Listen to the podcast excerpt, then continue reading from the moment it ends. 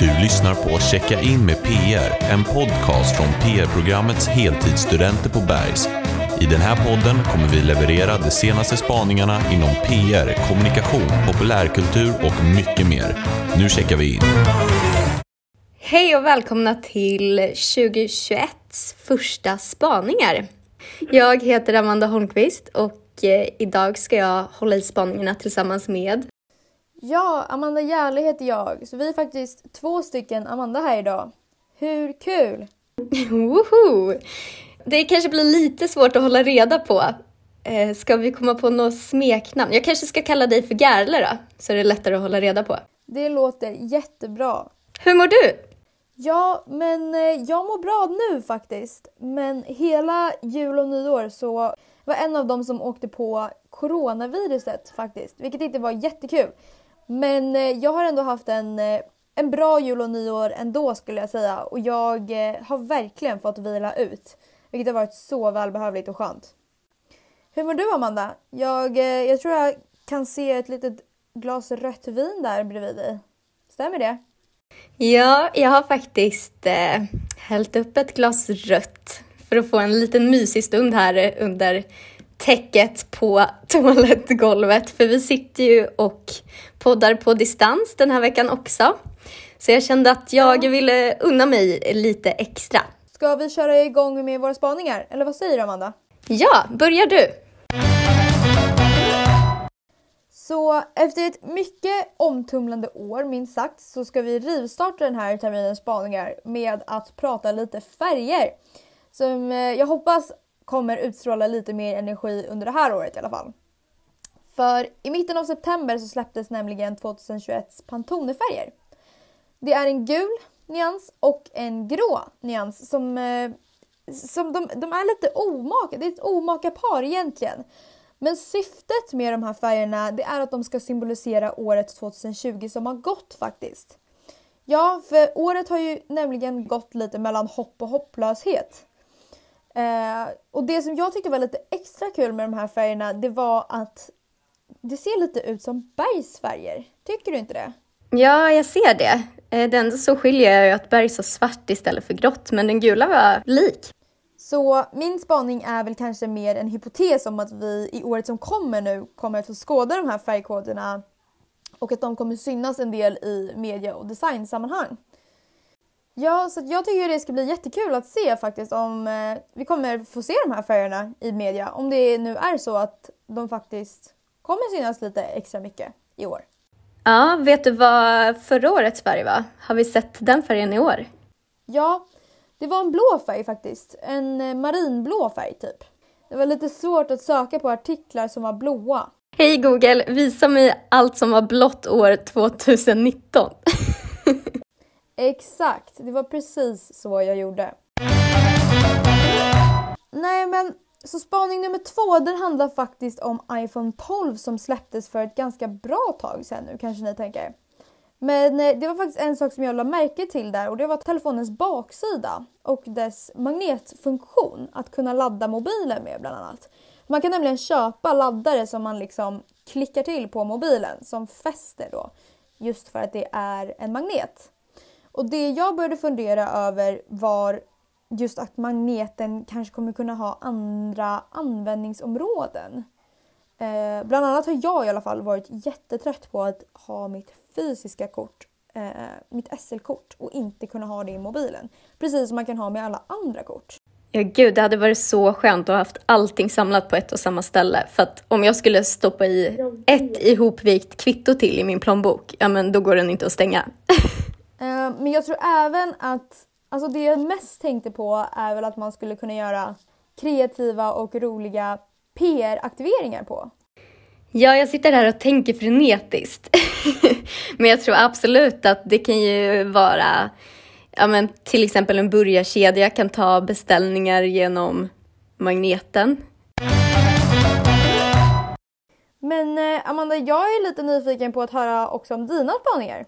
Skulle du kanske vilja börja köra igång och prata lite om dem eller? Absolut! Ja, men året har ju tvingat många privatpersoner som företag att göra om och göra nytt. Så idag vill jag att vi fokuserar lite grann på modeindustrin och för att blicka framåt så vill jag först blicka bakåt. Jaha, intressant. Kommer du förresten ihåg föreläsningen vi hade om framtidsstudier i höstas? Ja, jag är inte exakt säker på vilken föreläsning det var exakt, men kan inte du prata lite mer om det? Jo, för att eh, där hade vi föreläsaren som pratade om olika hypoteser på hur man kan förutspå vad som kan hända i framtiden. En hypotes var att det bara kan hända tre saker. Det första scenariot är att det händer något förr i tiden, det fortsätter hända idag. I framtiden kan det antingen fortsätta hända eller inte. Andra scenariot, någonting hände i dåtiden, det händer idag, det fortsätter hända i framtiden. Och scenariot som jag vill prata lite extra om, det tredje. Så i januari 2020 släppte faktiskt Vogue Italia en upplaga där det inte fanns några producerade bilder, utan alla bilder i tidningen var målade av konstnärer. Och denna specialupplaga gjordes som ett statement kring klimatkrisen som vi alla vet att modeindustrin är en stor del av. Så sju olika konstnärer illustrerade varsitt omslag. De målade av verkliga modeller klädda i kläder från Gucci och som sagt, alla bilder i tidningen var illustrationer. Men eh, de gjorde alltså det här Ehm, som ett första steg i reduceringen av koldioxidutsläppen. Och pengarna som sparades genom att inte ha producerade bilder, det donerades till får vi se om jag kan uttala det här, till Fondazione Querini Stampalia. Museum världen över har ju skapat digitala plattformar. Vi har sett till exempel MoMA, som är ett stort konstmuseum, landa på digitala plattformar istället. Och där publicerar de verk och konst när de inte längre har möjlighet att ta emot besökare på riktigt. Så kommer vi se andra sätt för konstnärer och skapare att visa sina verk på framöver, är frågan. Och kommer företag och varumärken nyttja konstnärer i deras framtida kommunikation för att till exempel hjälpa en bransch som inte haft det som lätt nu när mer och mer digitaliseras. Vi börjar ju redan se exempel på det här eh, med Cancerfonden som har gjort en låt tillsammans med Thomas Stenström. Eller det är väl snarare Thomas e- Stenström som har gjort en låt åt Cancerfonden. Men frågan är om det kommer sträcka sig till mer än eh, bara musiker. Jag tycker de har gjort ett jätteroligt eh, initiativ och hoppas att vi får se mer av det i framtiden. Min andra spaning så blickar vi också tillbaks. För i slutet av maj 2020 så revolutionerade Anifa Muemba modeindustrin när hon släppte sin första kollektion som hette Pink Label Congo för klädmärket för klädmärket Hanifa och eh, hon använde sig av 3D-modeller. Hon livesände fashionshowen på Instagram och man kan tro att Hanifa valde att ha virtuella modeller istället för vanliga då kollektionen släpptes mitt i coronakrisen. Men hon hade faktiskt planerat för det redan innan corona kom.